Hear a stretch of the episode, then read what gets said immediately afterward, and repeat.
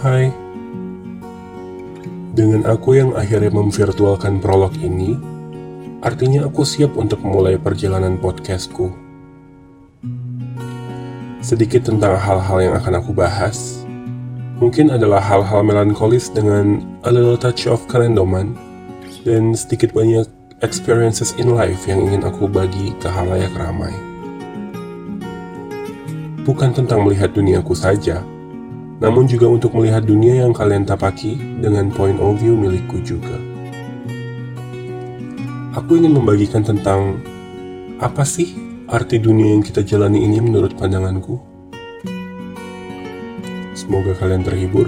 Selamat mendengarkan.